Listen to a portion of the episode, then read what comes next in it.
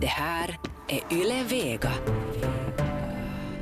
Hej och välkomna till Eftersnack. Det här är programmet där vi gör upp om veckan som gått. Än en gång kan man väl säga. Jeanette Björkqvist är inkallad.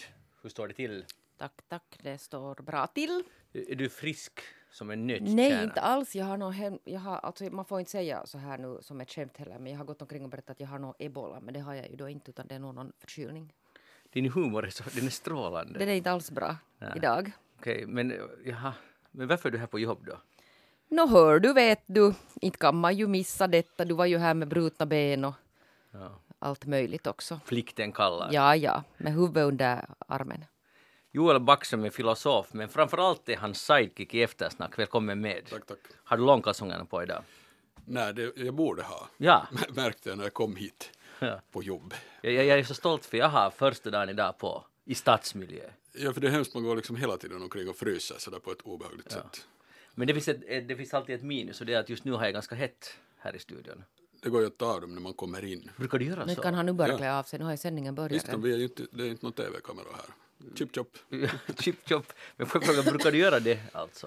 Eh, jag tycker att man måste göra det, annars blir det ju olidligt. Det är sant. Man kan smyga in på en toalett och sen fixar man det. Och ju mer du säger det och mer jag tänker på det, desto varmare får jag. Jag är helt genomsvettig. Jag heter alltså Magnus Lundén, den svettiga mannen heter Magnus Lundén. Programmet är Eftersnack, vi ska tala om veckan som gått.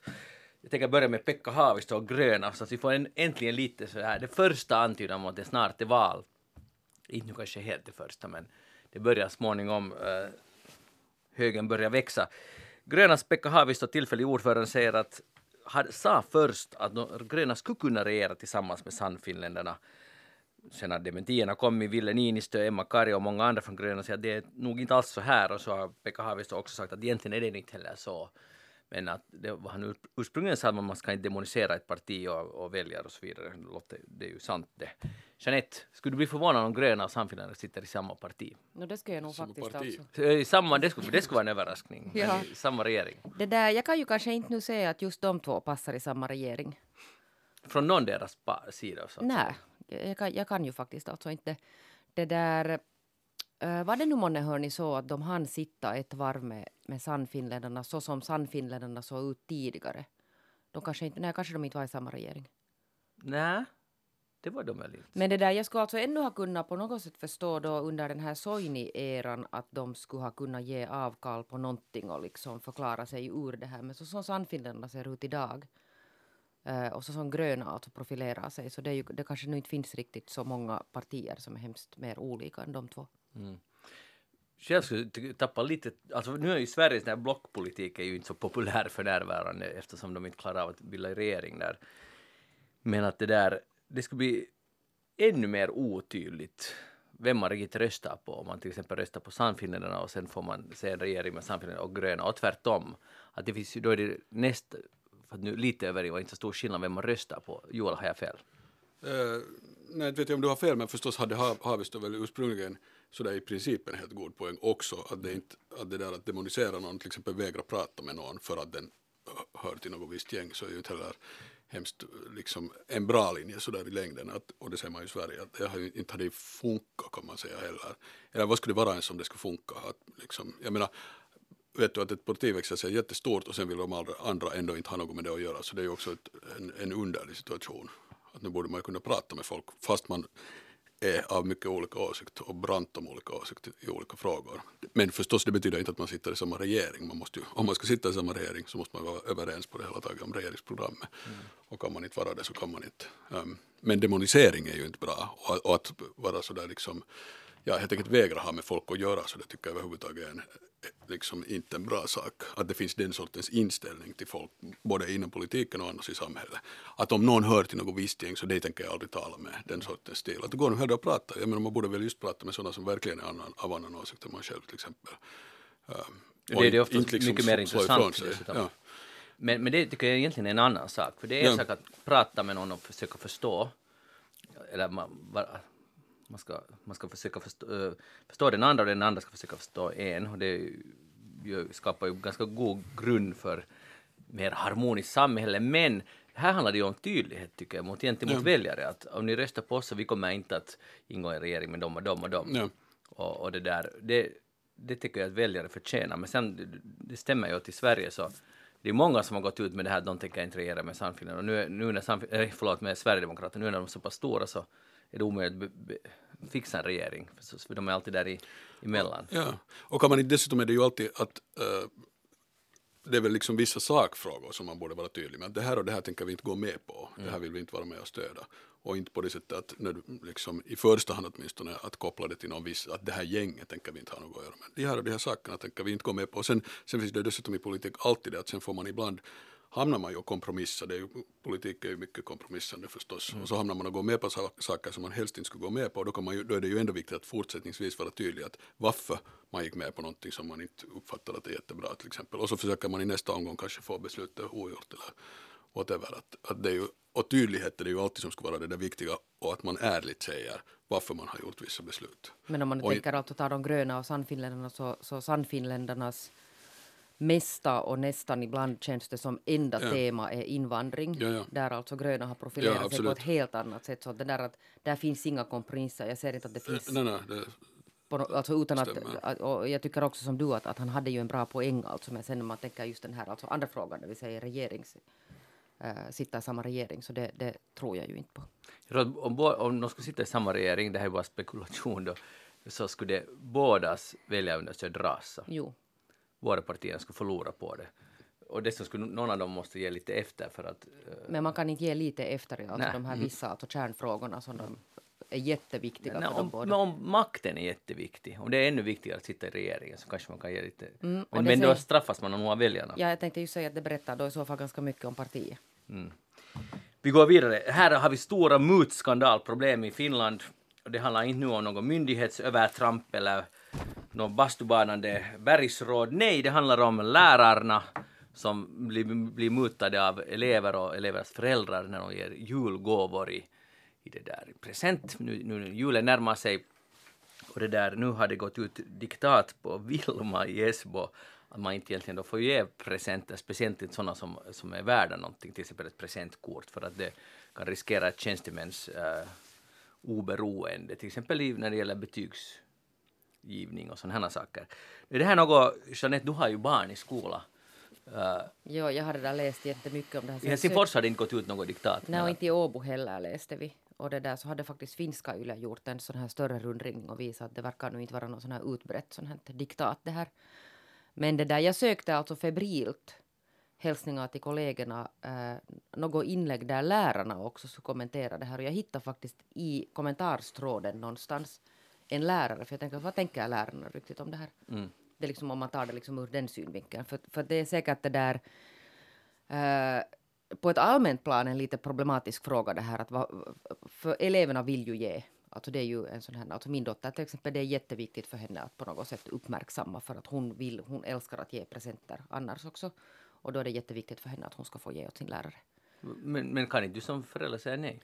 Nej, det kan jag ju inte. Och det där, nu har hon suttit och pillat ihop ett, ett kort. Men här handlar det En väl... kort är ju en fin sak. Jo, men här handlar det ju då alltså det där, om jag nu har förstått rätt, eh, och klasser till exempel, många gör tydligen ganska smart så att man samlar ihop alltså. Och så istället för att alla hämtar en liten choklåda och läraren står där med 20 choklådor så ger man kanske ett presentkort. Och det var något med det här värdet, att vad får det alltså överstiga det här då? No, de, det, det var väl ett 100 förslag på att det ska vara en till tre euro per, per, per elev får det kosta. Och Ja. sen ger man en gemensam present. För, det tycker jag är bra för då, om man ger en gemensam present så finns det ju inte den här mutrisken. Då blir ju hela Nej, klassen mutad. Exakt. Eller hela klassen Men den här mutad. läraren som hade skrivit sin kommentar sa att, äh, hade skrivit att, för den blev jätteunderlig den här diskussionen också, att det var många som var av den åsikten att det är klart att man måste kunna ge ett presentkort för att de är så underbetalda. Mm. Och då blir det liksom också en helt sån här snedvriden, vet ni, att det är ju inte liksom det det handlar om, att man på något sätt ska gottgöra deras dåliga lön. Ja, det var, det var nog ett släng av populism det där som var lite missriktat dessutom. Men just att nu ska vi fixa att de är underbetalda så ger vi lite choklad åt dem eller en presentkort. Ja, det här var, var det just i. Esbo det här hade kommit upp? Det. Det här var väl en, en äh, det som sa Det var en här kommentar alltså i svenska Yles tror jag. No, ja, men Joel, hur, du, du har inte mera barn i skolan, men att det där... Men alltså, hade det, varför kom det här överhuvudtaget upp? Hade det varit ett konkret fall där det var på något sätt på Esbo riktigt har, Esbo har staden meddelat på Vilma till alla föräldrar i Esbo Jo, men jag skulle säga men det var den där- På, Ja, varför? Det är en bra fråga. Jo, för Hade någon gett någon jo, tjänstemän får... Ja, nej, det var kanske inget konkret fall, utan det har väl bara eskalerat. så småningom att det blir större och bättre presenter hela tiden. Ja, och det kan jag ju förstå att det, att det är en dålig utveckling om det blir så där att, att det blir överdrivet. Villes pappa gav en bil åt läraren. Ja. Ja, det Ja. man det är inte så bra. Men det där, den här läraren som hade skrivit det, så det är ju nog lite också att undervärdera lärarens på något sätt sinne för moral och, och det där annars också sunt bondförnuft att man tror att, att en lärare blir mutad och börjar på något sätt prioritera liksom vissa. Men Jeanette, det heter fak- det är ju så att det är ganska svårt att vara immun mot mutor. Men om det är en låt kollektiv oss- muta, Ja, ja, det är en kollektiv muta, det, det, det, det understöder jag. Alltså det är mycket bättre, för annars blir det just den här tävlingen mellan eleverna, vem gör trevligare presenter och sånt. Det är ju helt dumt. Det måste Jo, vara... och det är ju jättedumt. Ja. Men det där, jag skulle ju... vänta, jag ska Ja. bara, för tänk själv om du, du är nu du är historielärare i, i Pirlax gymnasium och sen, sen får du en jättefin champagne eller ett presentkort på 300 euro till, till någonstans. Okej, så, så av busen i klassen. Så nu kan det vara att du är lite snällare sen Jo, men det där tycker busen. jag ju också, om jag skulle vara lärare, skulle jag ju tycka att det där skulle vara obekvämt. Då skulle Ja. man kunna säga till alltså att, att det får inte bli, alltså det, det, det känns ju inte bra om någon börjar överdriva på det här sättet. Mm. Men vad jag nu har förstått så har det väl inte varit ett så stort problem. Nej. Joel, du, hur var det nu med dig? Ja, inte förstår jag heller varför det skulle vara ett jättestort problem. Däremot om man ska börja tänka just sådär att de är underbetalda, att man, man måste lite Hjälpa så, till. Ja, så det är just så som det är i en massa länder där man sen måste muta varje polis för att det är enda sättet som de, de kan överleva. Men, men, ja, men inte vet jag, det här verkar ju vara som en lite onödig diskussion. En sekundär diskussion, du vill inte alls tala om det här mer. Typiskt. Någon vi hörde, då, då, om du nu sa, om du en gång säger så, så tänker jag ta exempel. Men jag vill alltså bara jättegärna att lärare, om vi har lärare nu bland lyssnarna, skulle kunna tipsa så där på ett allmänt plan om vi nu lite förbiser den här mutdiskussionen. Att vad tycker och tänker lärarna egentligen om de här presenterna? För det är en sån här debatt som inte förs så hemskt mycket. Någon gång har jag hittat de här kvällstidningarna.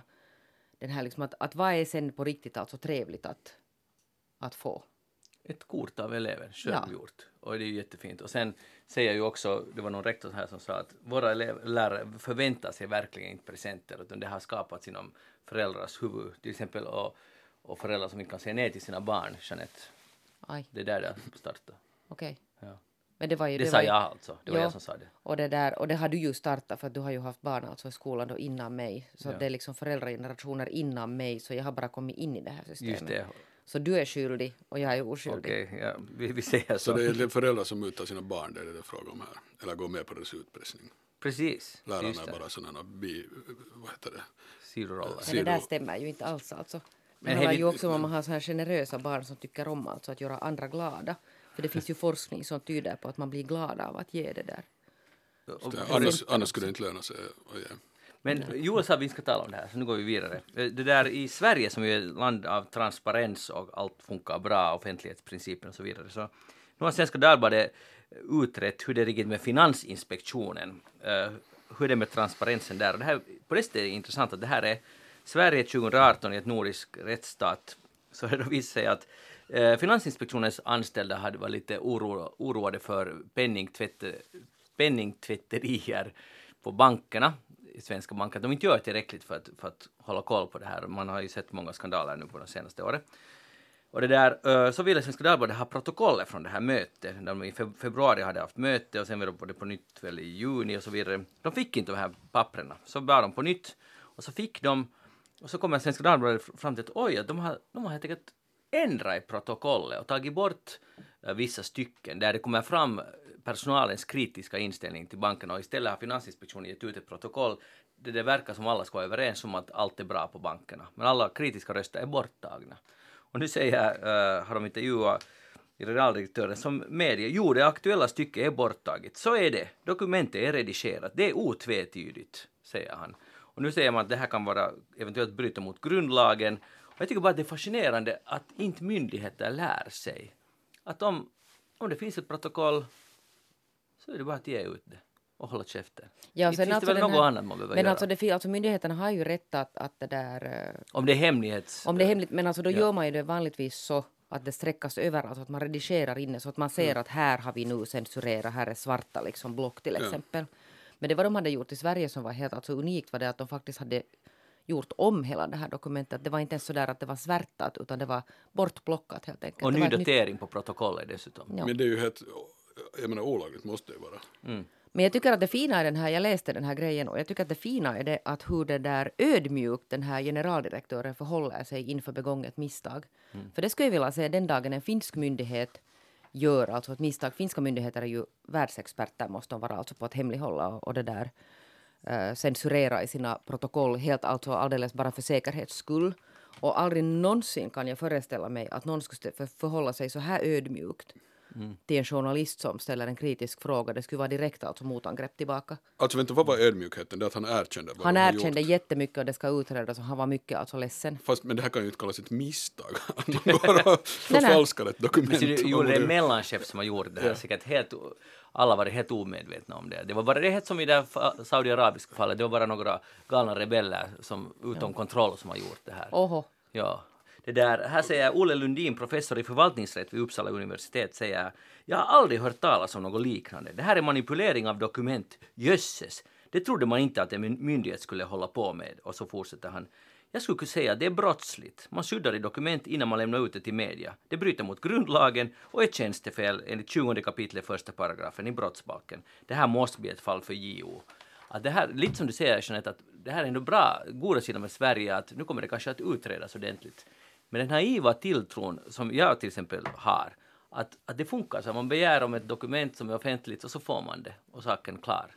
Det är inte så Jeanette. Nej, det är verkligen alltså inte Jag har varit så... Och då ska jag säga att då är de jättemycket bättre i Sverige Mm. på det här. Att de här finska myndigheterna, det är nog inte alltså riktigt på samma nivå. Men, men, men som en, lite den här metrohärvan har ju varit samma, att det har varit svårt för till exempel Husis att få ut dokument. Jo. Så jag kan ändå... Jag har svårt att förstå, när man, när man blir tjänsteman så svär man ju vid man ska följa lagen och så vidare. Är det inte ganska entydigt att om någon vill ha dokument så är det bara att ge det? Men det kan hända att det är sån här selektiv det där laglydighet. Att, att sen när det gäller just den här, sån här offentlighetslagen så den är inte alltid så där riktigt bra. Jo, litar du på att det funkar i Finland? Sån här motsvarande. Jag menar det är uppenbart att det inte funkar. Mm. Så att, det är väl ingen, jag, jag menar, eller ibland funkar det ju men att det är inte, verkligen inte, att man inte kan lita på att det av sig själv funkar. Det är ju klart. Det är ju, men det är ju underligt, det är så allmän utveckling just att det blir liksom med bolagiseringar av det Ja. som tidigare var myndighetsverksamhet och så här, eller universitet som är nu privaträttsliga instanser, så här att, att det blir liksom just till och med i princip så blir den där offentlighetsprincipen urholkad på ett jättebeklagligt sätt. För det är ju helt, man kan inte ha en fungerande demokrati om inte man har en fungerande offentlighet och, och kan kolla upp vad myndigheter gör. Liksom. Det är ju helt A och O för att man ska kunna bevaka makten förstås. Och Det som händer idag, i Finland i alla fall, är ju ofta så att, att när det är en myndighet, alltså vi skattebetalare som gör deal med ett företag, Ja. så ger man inte ut för det är företagshemligheter. Ja. Och det tycker jag också, och då får man alltså inte skattebetalarna veta vad saker har kostat. Ja. Och det är nog också jättesvag Det är mycket argumentation. För det är problematiskt. Det är helt fyrk. sjukt. Det är ju klart att det borde tvärtom vara så liksom att okej att om du vill eh, göra upphandla med det offentliga så då får du acceptera att de här siffrorna kommer ut. Ja. Men det har ju inte alls gått så, det har gått tvärt- tvärtom. Ja, ja, Uh, att företagen kan säga att, att okej, vi- ni kan dela med oss men då är de här uppgifterna är inte offentliga. Och så kringgår man det. Hur har det kunnat gå igenom en sån s- sak som är en ganska stor sak? Det är dessutom? en enorm sak. Inte bra, inte bra det heller. Hej Brexit, så sitter ni fastklistrade vid skärmarna varje dag och, och Theresa May reser skytteltrafik. Uh, nu just, just nu vet jag inte vad hon är. Hon är inte här i Böl i alla fall men att, men att. Vet du det säkert? Tänk om hon skulle vara med i eftersnack. Hon skulle ha Ja. tid för en timme, 57 minuter snack. Det skulle jag tvivla lite. Men hon kom inte ut ur den där bilen när hon anlände till Berlin så var hennes bildörr låst. Hon kom inte ut ur den. Det föranledde många roliga rubriker. Låst läge i, i Brexit-frågan. Hehe.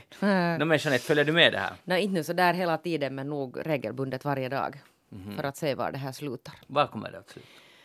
Ja, det där... Det kan nog hända att det slutar med en sån här hård brexit det här.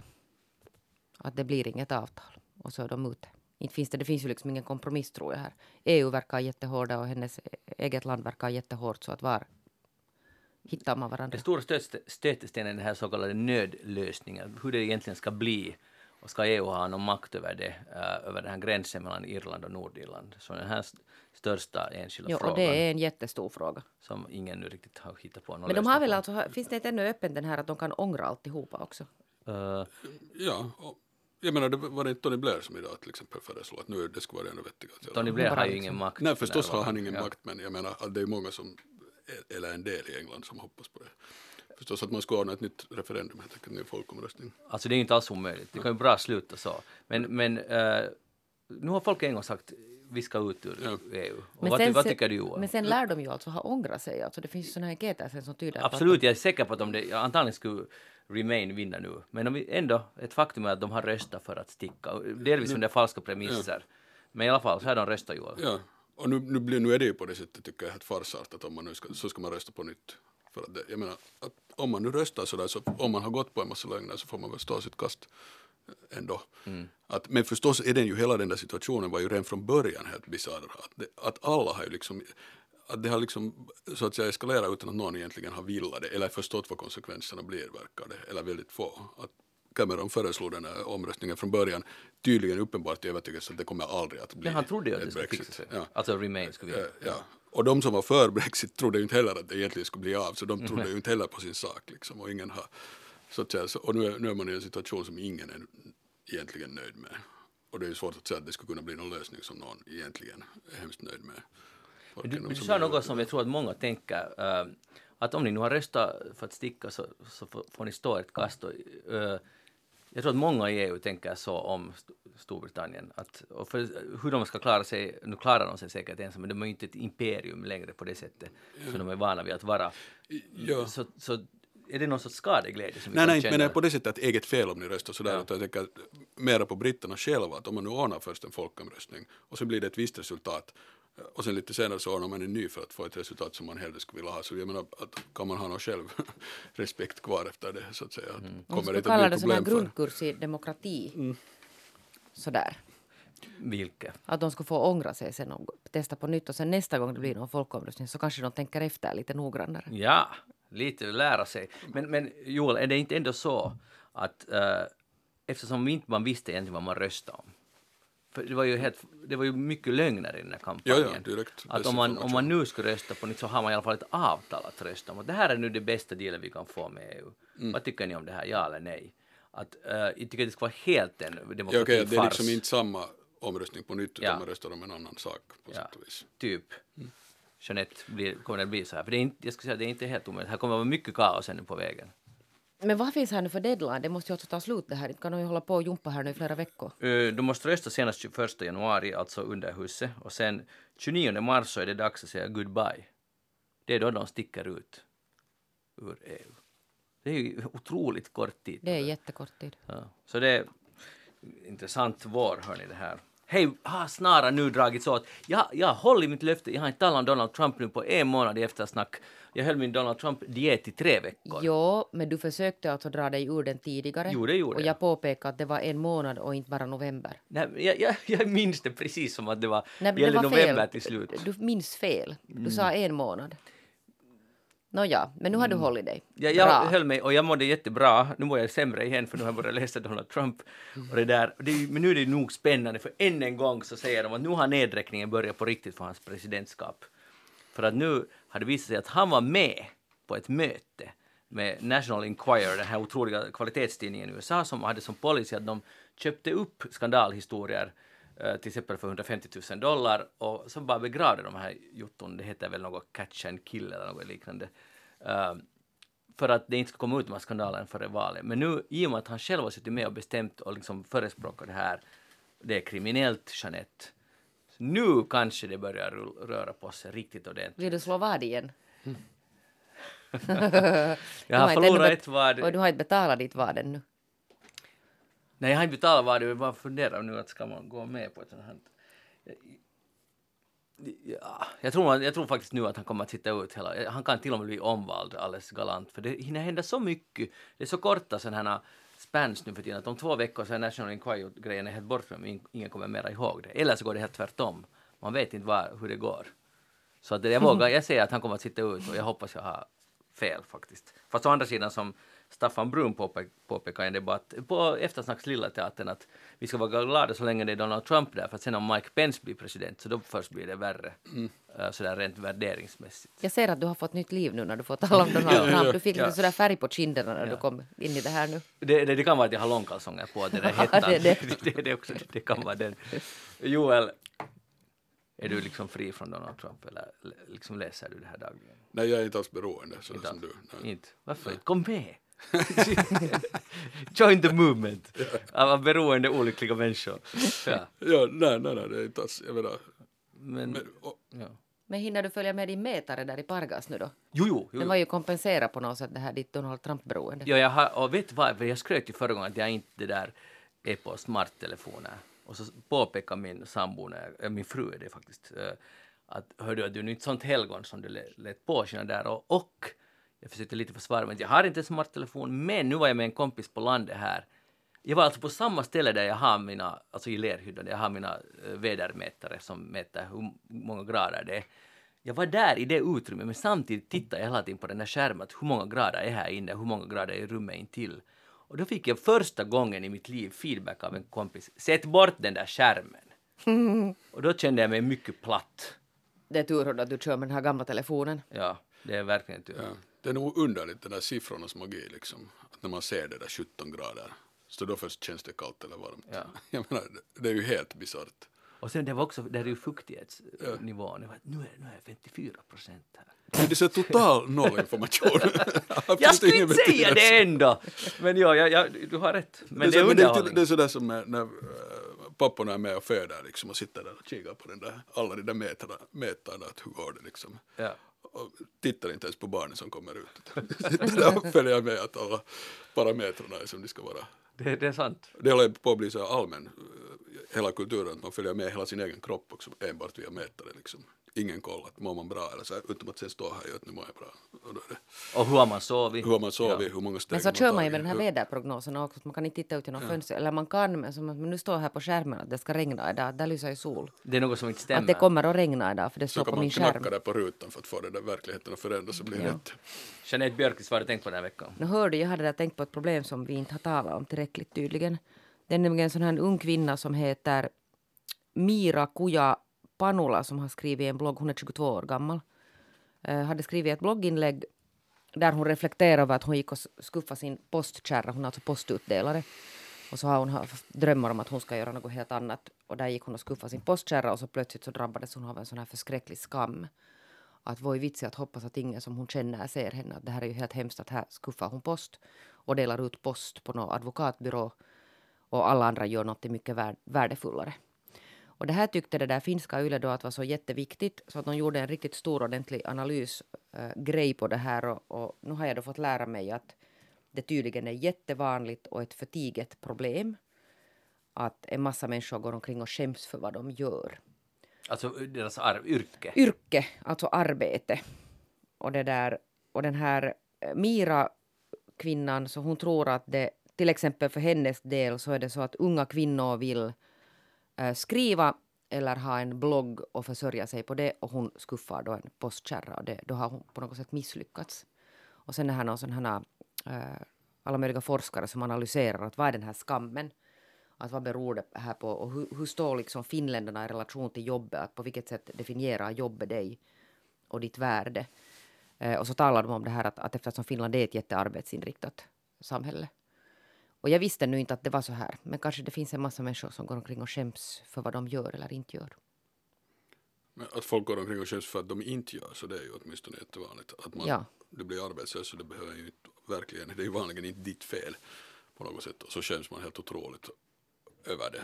Men sen om man gör någonting annat alltså. Ja. Så här som den här Mira tycker jag ju att en jättebra kvinna. Hon hade nog kommit över den här skammen sen hon hade börjat fundera på att, att kanske det nu ändå är helt bra att man har ett jobb. Alltså dessutom, jag menar det är ju ett hur bra jobb som helst. Eller jag menar det beror, beror väl på vad som är i den där kärran. Att om man liksom, om det är viktiga saker som är i den där kärran, viktiga saker som finns i de där breven och tidningarna så är det väl viktigt att någon delar ut dem. Och är det allt schajs där i kärran så då är det ju inte bra att det delas ut heller. Men då är det ju inte bra att jobba på den där tidningen som skriver det där schajset heller. Nej, men då lär det vara på något, på något sätt så att det där att i skolorna så värderar man alltså när man talar om, om vartåt man ska gå så det är ju alltid den här akademiska världen. Ja, ja, Och så ja. talar man aldrig om värde av, av alla andra jobb.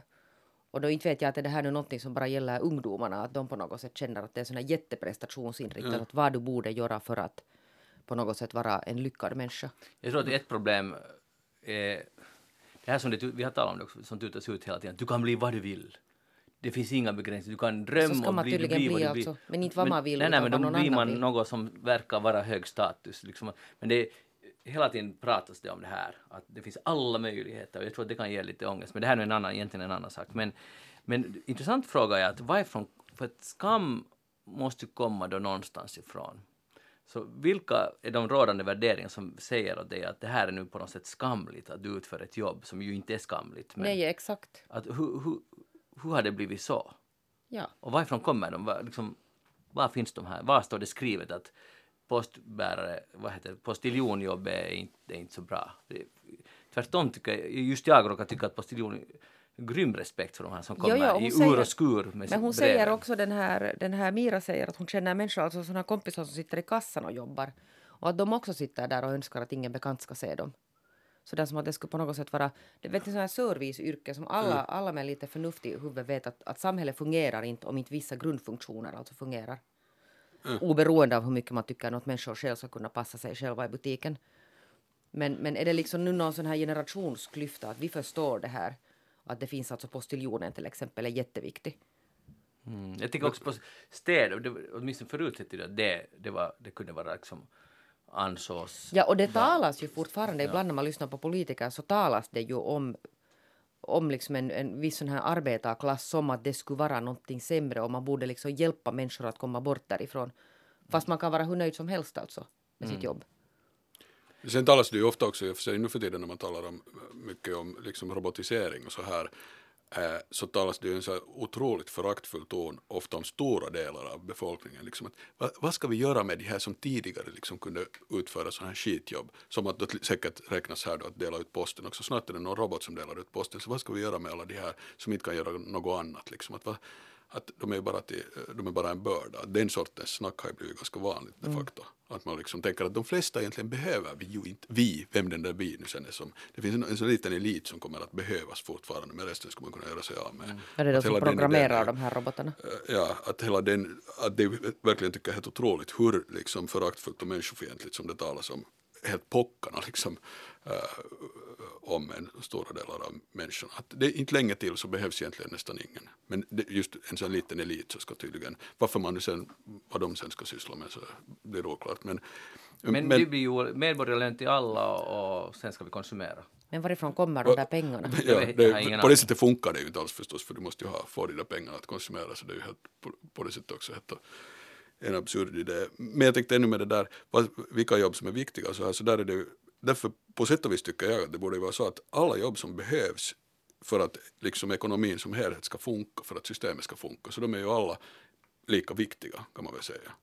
Att om, om det behövs en postiljon för att dela ut den här tidningen och det behövs det lika mycket som det behövs någon som skriver den här tidningen så inte kan ju det ena jobbet vara viktigare än det andra. Men ser Båda du, de där som behövs för att den här tidningen jo, ska komma men ser du till den som skriver ska läsa tidningen är den. inte heller oersättlig. Det har vi också. De håller ju på att utveckla sådana här alla möjliga robotjournalister. Ja, jag tror det är liksom, nästan alla tycks ju kunna bli ersatta sen. Ja. Sen kanske det är robotar som ska konsumera och läsa de där tidningarna också fast det, så långt har man inte kommit. Tänk vilken, om, om den här er dystopia nu blir besannade, vilken liksom, så många människor kommer att känna sig helt meningslösa. Alltså att många definierar sig via sitt yrke som det just kom fram här också. Man kan ju vara stolt på postiljon, eller många är det säkert. Men sen om alla de här jobben försvinner och vi inte, man inte har ett yrke mera. Ja, ja. Och det är beräknat att det är hundratusentals jobb kommer att försvinna inom ganska överskådlig framtid. För att det blir robotiserat. Jag undrar, vad händer sen? Egentligen. Ja, alltså det är ju en enorm samhällelig kris och social kris som det kommer att bli av det. Men det är inte det som är underligt också med det där att sen, för det är ju också tycker jag åtminstone helt eh, absurt och, liksom äh, falskt att tala på det sättet som ibland sådana Jorma Ollila, vet ni, så är den typens människor som säger att man ska ha nö, äh, en äh, nöjra suhtautuminen työhön, vad heter det, en ödmjuk inställning till jobb och att varje jobb är bra och så här, för det är ju inte alls heller sant. Att man borde fundera på att det jobb man gör, att vad är det man bidrar till? Är det här en viktig sak att det görs och är det ett viktigt bidrag man ger? Det finns ju en massa jobb som kanske, om man tänker efter, verkligen inte är bra och helt destruktiva och ingen jävel borde göra dem, fast de är kanske jätteväl betalda kan de vara. Eller sådär, men att, inte det är så att ett jobb i sig är något bra, utan vad är det man bidrar till? Men tror att alla, jag tror inte alls att alla tänker på det där sättet. De tänker att om jag gör ett jobb som inte är olagligt och någon betalar en bra lön med så då är det, då är det ett bra jobb. Att det där, jag tror inte alls att du skulle få med folket på den där. Men då är det där att man jobb? Då, mäter kan, också, då tänker folk är fel. Jag menar. och mäter jobbets värde alltså i lönen också. Ja. Ja, och att det är ett jobb och just någon är beredd att betala men det tycker jag inte kan man, om man tänker själv på att vad är det, det är ju ändå sin livstid man så att säga säljer och inte den här arbetstiden. Att om någon vill betala för mig, åt mig för att göra något helt destruktivt och galet som drar, gör världen till ett sämre ställe så inte kan jag väl vara nöjd med det fast någon skulle vilja betala goda pengar för det också. Att nu måste man väl själv tänka på att vad är det man vad är man med och bidrar till med sitt jobb? Jag menar sen är det en annan sak att förstås att ofta har, har man inte så mycket val att man måste ta något jobb för att annars har man inte, får man inte mat på bordet och inte tak över huvudet. Så att inte, menar, menar. inte menar jag det på förstås. Ja. Men sådär om man tänker att vad är, vad är meningen med att gå? Man spenderar ju jättemycket av sin tid där på jobbet om man råkar vara så lyckligt lottad att man har ett jobb. Men, så nu finns det väl en fråga att vad är, vad är man med om att skapa liksom här? Um, men sen givet att ett jobb behövs för att få något vettigt gjort så då tycker jag att då är varje, varje bidrag liksom lika mycket värt. Att egentligen inte förstår jag varför en journalist ska få mera lön än en postiljon. Eller en, eh, att de båda är lika viktiga för att få ut den här tidningen låt oss säga. Så för en timme borde man få samma lön. egentligen. Men nu kan man ju, eh, jag vet inte hur, hurdan utbildning, antagligen har man inte gått i studera i ett fyra eller fem år av sitt liv för att studera för att bli postiljon. Jag tänker Okej, då skulle du kunna kompensera något sånt men det finns ju en massa i lönebildningen som inte liksom Jo, går förstås, det finns mycket som helst. att räkna ut Ja. sådär. Att varför ska vissa saker, om någonting är nödvändigt att det görs, varför är det så att, äh, att någon som har liksom då ett bra, någon som är ingenjör äh, och lämnar sina barn på dagis, så varför ska den där dagispersonen som tar hand om det där barnet få mindre pengar än den där ingenjören eller ekonomen eller vem det är som går dit till jobbet och kan vara där på jobbet bara för att en dagisperson tar hand om barnen. Ja, det är en bra fråga. Det, det, det, En det här- timme för en timme, inte det väl? Och det här, det här, den här frågan har, inte lyckats, har man inte lyckats lösa och ingen har heller besvarat den här frågan. Eller gör det ju det för att man, ja, man ställer ju inte ens den egentligen. Och jag menar det är helt uppenbart varför det är så, för att kvinnligt, att det ändå betraktas som basically något som man egentligen nästan inte alls borde få lön för. Att ta hand om barn, så det är bara någonting som, som kvinnor ska sköta. Men. Men ännu återgå till skam, för det var det här det började. Ja. Det, det är intressant för det är ganska ofta du tar upp något som har med skam att göra. För du brukar ta flygskam. gånger. shameande. All, allt som har kring shameande att göra, det, det, det, det här borde man analys- analysera. Nej, det var nog inte alls det, utan jag var mer den där fascinerad av den här ungdomens, på något sätt, eh, ungdomens skam över att jobba. Ja, Och sen började jag fundera, är det, är det verklighet det här? Men, Om du plötsligt skulle byta imorgon, det liksom någon skulle säga att nu ska du börja, börja du jobba i kassan. Så hur skulle du liksom ställa dig till det? Uh, alltså, menar att, att jag, fick en orr, jag fick en att jag ska börja jobba Allt kassan? kraschade och sen fick du byta bransch sådär över en natt. Ja, alltså det är ju helt klart, man måste göra det för, för att så att säga... Men skulle du vara stolt? Inte skulle jag nu skämmas. Uh, jag skulle nog ha pärt om allt har kraschat, men man måste ju börja sen på nytt i så fall. Det är nu omöjligt att säga, det är lätt att sitta här och säga det. Men klart jag skulle sitta i kassan, varför ska jag inte sitta? alltså jag har på riktigt själv eh, för inte så länge sedan funderat på att både på ett konkret postiljon och kassadon. Ja. Det hade något liksom, eh, när man är så här forskarprekariat så det ibland kommer pengar och så kommer det inte på långa tider pengar. Och, det där, och då skulle jag hellre gå och sitta i kassan eh, eller vara postiljon inte har något sådant som jag skulle uppfatta som ett riktigt korrumperande don. Liksom något som jag antagligen kanske skulle kunna få när man nu är så akademiskt utbildad. Så här, sitta på någon, låt oss säga någon, mm, inte vet jag, någon reklambyrå kanske och göra viss, eller vet du, göra något sådant som jag tycker att det, så här, där jag skulle utnyttja min akademiska kompetens men till något som jag inte skulle uppfatta som liksom riktigt eller bra. Så då sitter jag alla gånger hellre i en kassa. För det är ju, där måste ju någon sitta för att folk behöver mat. Mm. Och det, sen när, om du talar om ungdomen så nu är det ju enda rätta sättet att gå, nu måste man ju oberoende av vad man har nu för, sen för utbildning eller vad man gör i livet, att, att börja jobba med så, så kallade då vanliga jobb. Nå, det är, är det ju. superviktigt. Jo, och så var det ju förr i världen att man gick alltid och lärde sig jobba. Alltså först lär man sig jobba och sen kan man börja fundera på att vad man egentligen vill jobba med. Joel Backström, vad har du tänkt på den här veckan? Eh, jag funderar på skor. Eh, för att jag var just mycket framgångsrik. Jag är ju som känt inte hemskt bra på att shoppa. Tyvärr inte att bidra till att ekonomins hjul hålls rullande. Och det där, sen ska jag gå och köpa nya skor. eh, och sen som tur var så blev det inte av. Utan, alltså jag skulle köpa nya så vinterskor. Nu har jag på mig mina gamla vinterskor. Och det där. Och de var helt sjukt dyra, kostade så här 150 allt som fanns där i affären. Och jag tyckte att, så där mycket kan jag inte börja betala. Och sen insåg jag där i affären att jag kan köpa istället ett par lädersulor till mina innersulor, till mina gamla söndriga skor som har en söndrig botten. Men nu när man sätter in en sula där så kan man gå vidare med dem. Så nu lyckades jag istället för att betala 150 euro för nya skor så betalade jag 12 euro för att få fina eh, innersulor att sätta in i mina skor och det har funkat helt bra. Och då får jag hålla kvar mina 10 år gamla skor som jag älskar och som jag köpte på en loppis i Berlin för 10 år sedan. En win-win situation. Win-win. Ja. Men alltså det där med, med läcker de alltså? De läcker nog men nu, är det inte, nu har det inte varit så blött så jag, jag, funderar, jag kanske måste gå och liksom sätta in en sån där... eh, Kan du visa botten på den här skorna, liksom den här undersidan? Så där, här är liksom det på båda sidor, just en sån där, Så där det på här är stadskornens, Ja. jag, vet, det är de här sandkornen, de här Ja. små stenarna som tränger in dit. Ja. Men man kan väl få en sån här, jag ska gå till, eh, vad heter det, Skomakaren. skomakaren och se om jag kan få en sån här, ännu sån här klackbit eller sån här ny där. Om det inte funkar så funkar det inte, det räcker för tillfället med de här innersulorna. Det är intressant för att jag, jag, kom till en helt motsatt uh, slutsats. För jag, jag var i Trondheim här i veckan.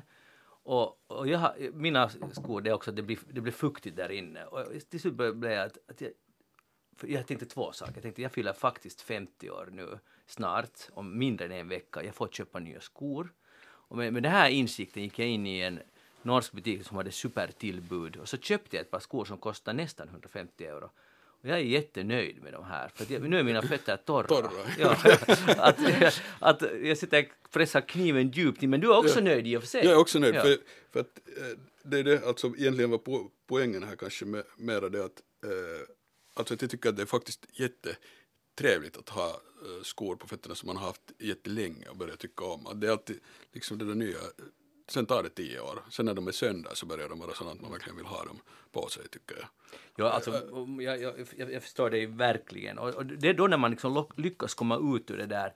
Man har en det där nästan kreditkortet framme, 150. Sen plötsligt så vaknar man till. Man behöver inte köpa det här. Och så går man ut med en sula istället. Jag, jag förstår dig. Det, det är ju en seger över det här att man alltid måste köpa nytt. Det är jättebra. Ja. Jeanette, du ser inte alls övertygad om. Jag förstår. Tvärtom. Nej, jag Vad är det vi talar om? Nej, det är inte alls svårt för mig att det där, köpa nya skor. Jag blir inte alls på något sätt emotionellt fäst vid dem, utom vid vissa vi, Blir du vita, inte alls? Aldrig? vita sådana här, no, vis, några sådana här vita joggingskor. Ja. Ja, ja, folk har ju helt olika inställningar, inte menar jag, men, men jag diggar det här och dessutom äh, att sen att det blir, finns lite sådana att man har varit med om olika saker i de där skorna. Fattar du? Som nu redan bara också köpa de här nya sulorna. Eller när jag köpte dem i tiderna där i Berlin. Det var så här kurd, kurd som sålde den och sen hörde han att vi talar svenska så började han berätta om sin, eh, sin historia när han hade levat i Stockholm länge och så här. Och vet du, att jag har minnen förknippade med de här skorna. Jag förstår på något som- plan, men jag har aldrig förknippat känslor eller minnen till skor just. Man kan ju sätta dem till något annat. Ja, ja, ja, det Det är man, ganska trevligt, Joel, också att gå ut med nya skor på fötterna. Ja, det Om de är riktigt säkert. snygga. Eh, Det här då Joel, vill jag ha din kommentar för att i dagens hus 14 december så det här, för det första är en rubrik, det är en eh, kolumn, en analys av Patrik Harald. Eh, Lägre tillväxttakt är inte jordens undergång. Det kan man väl hålla med om. Men sen är här tre små notiser. Alla andas samma liksom budskap. ESB sänker tillväxtprognos. Tysk tillväxt väntas avta. Norges centralbank ser orosmoln. Och alla det här handlar om det att snart, eller på ett eller annat sätt, att eh, exporten drar inte och det är Brexit och det är handelskrig och, och sen är man inte säker på att kommer konsumenterna att fortsätta konsumera, blir de också oroliga. Och nu har du just bidragit till det, du köpte Sulan. ja. Men den där Haraldska rubriken så egentligen, alltså man skulle kunna vända på det och säga att högre ekonomisk tillväxt är jordens undergång. För det är så det är. Om, om tillväxten fortsätter så här ohindrat så kommer det att leda till en enorm klimatkris. Så på det sättet är ju all den här diskussionen alltid mot bakgrund av en sån här enorm elefant där i rummet. Att alla vet att man kan inte fortsätta med sån här tillväxt som vi har. Mm, vad Att det är säger du helt omöjligt. Vad är ändå Sulan bättre beslut än Jag, mina hör, vad, nya jag skor? hör vad han säger. Just det, men det är också allt. Då är det, finns, återstår inget annat än att gå vidare. Det där, jag, vill bara, jag blev bara så lycklig för jag var också i Göteborg och, och det där, köpte Göteborgs Posten och det var ju de här Nobelmiddagarna väl den här veckan och bland annat fick då amerikanen James P. Allison och japanen Tasuku Honjo, Honjo En gång till det där japanska namnet. No, han heter Tasuko. Tasuko. Tasuko. no, det spelar ingen roll. En japan har fått Nobelpriset i medicin. Japan.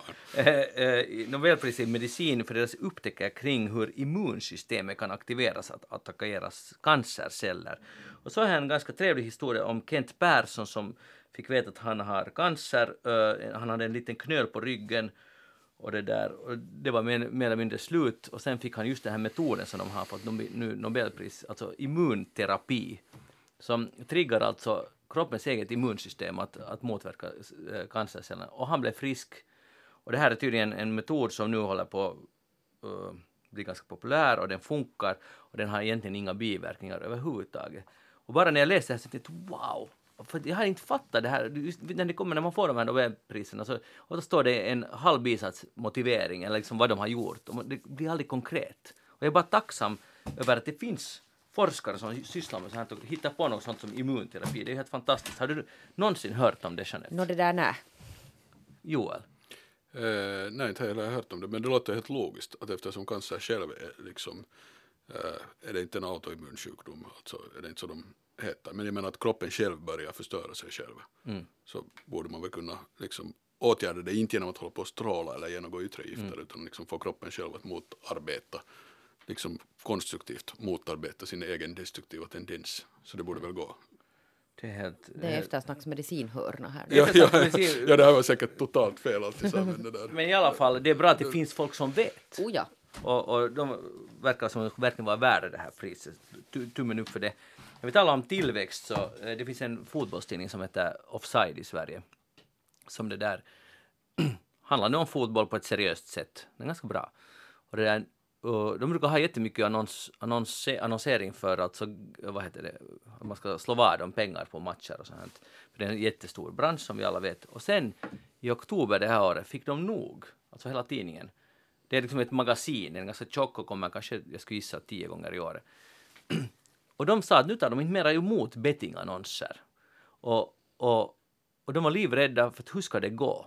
För det är ju en stor del av inkomsten kommer. Och det är ju helt lagligt att slå vad om pengar, slå vad om att vad en match slutar. Men de tycker att det är så, eh, folk blir beroende av det och det tar bort glädjen i sport. Man är alltid bara på det lag man har bettat på. Passionen försvinner. Plus att det är massa människor som har problem med det. Man, ekonomin stört dyker och så vidare. Personekonomin. Och nu slutar de ta emot annonser och många var helt att det här kommer, ni kommer att gå i konkurs för ni behöver de pengarna. Istället har de fått massa annonsörer som hyllar dem och försöker rida på det här att hyllning till offside och vi stöder er och så gör de reklam för sitt brand som kan handla om något helt annat. Men jag tycker bara att det är en, ytterligare en solskenshistoria att man tror att man måste ta emot alla annonseringar oberoende av värderingar för att det är pengar för att journalistiken kan inte överleva annars. Och här visar det antagligen, eller i alla fall just nu, att det var helt tvärtom.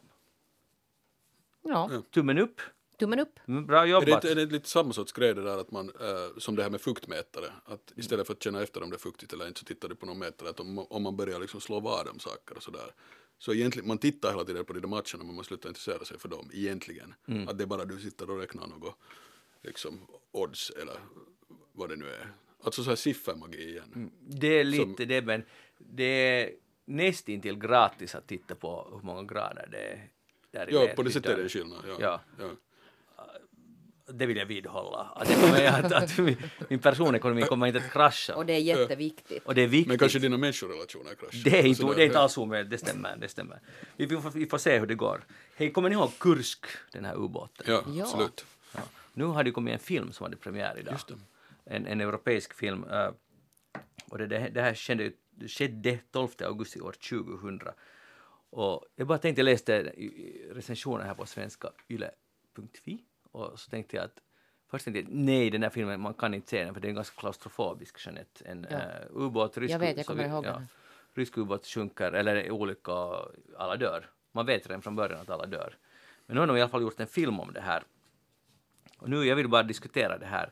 För det är någonting med ubåtsfilmer, ni kommer alla ihåg Das Båt. Mm. Som, Joel nickar direkt. Jeanette, har du har inte sett Das Båt? Säger jag Jag tror faktiskt att jag har gjort det. Aha. Men Joel, du, du vet vad jag menar. Ja. Kan du kort förklara vad ha- handlar Das Båt om? Eh, nej, det inte kommer jag exakt ihåg alltså vad som händer där. Det är jättelänge sedan jag såg den, annat än att de är där i den här ubåten. Och så det plingar det sådär. Ja, ja. Det där. De ligger där på... De må- får inte röra på sig överhuvudtaget. Ja, Det är inte ja, just det, för att spara. Ja, något sånt. Ja. ja. I alla fall, men det är, hela idén om en ubåt är ju ganska klaustrofobisk om man tänker efter lite. Nu kommer det en film och jag vill bara diskutera, tänker ni gå på den här filmen? Är det här liksom, känns det lockande att betala 13,50 för att se Nå, det här? du, jag är ju... Nej, alltså jag tycker ju om sådana här dokumentära som baserar sig på riktiga saker. Men det här är ju en riktig sak. Jo, jo. Men säkert Så lite är ute- påhitt också men... Nå, jo, men det där... Av alla möjliga många filmer så kanske jag nog skulle kunna gå och titta på den här. Ja. Det där, eh, för det, det finns massa spekulationer varför Putin har just tillträtt och varför det där kallar de inte på hjälp i tid skulle ens ha hjälpt om de skulle ha kallat på hjälp då, då hade var den här stoltheten. Och var det inte så att det pågick alltså en räddningsoperation så att de levde alltså en tid där nere? Ja, man hörde knackande där Jo, inifrån. precis just det, det var de där knackningarna. Usch. Det där knackningen som Jag tror alla att jag kommer jobbade ihåg. sig då på Husis utrikesredaktion faktiskt när det här hände så jag satt väl själv och följde med och rapporterade om det här på något sätt på avstånd. För när man tänker, det är det här knackandet, jag tror att det är det som man nästan tappar an när man börjar tänka, någon har varit där inne och hackat med någon hammare mot skrovet och det är kanske typ den, de sista överlevande. När man börjar tänka på det, de ligger på havets botten. Men tänker du gå och titta på den?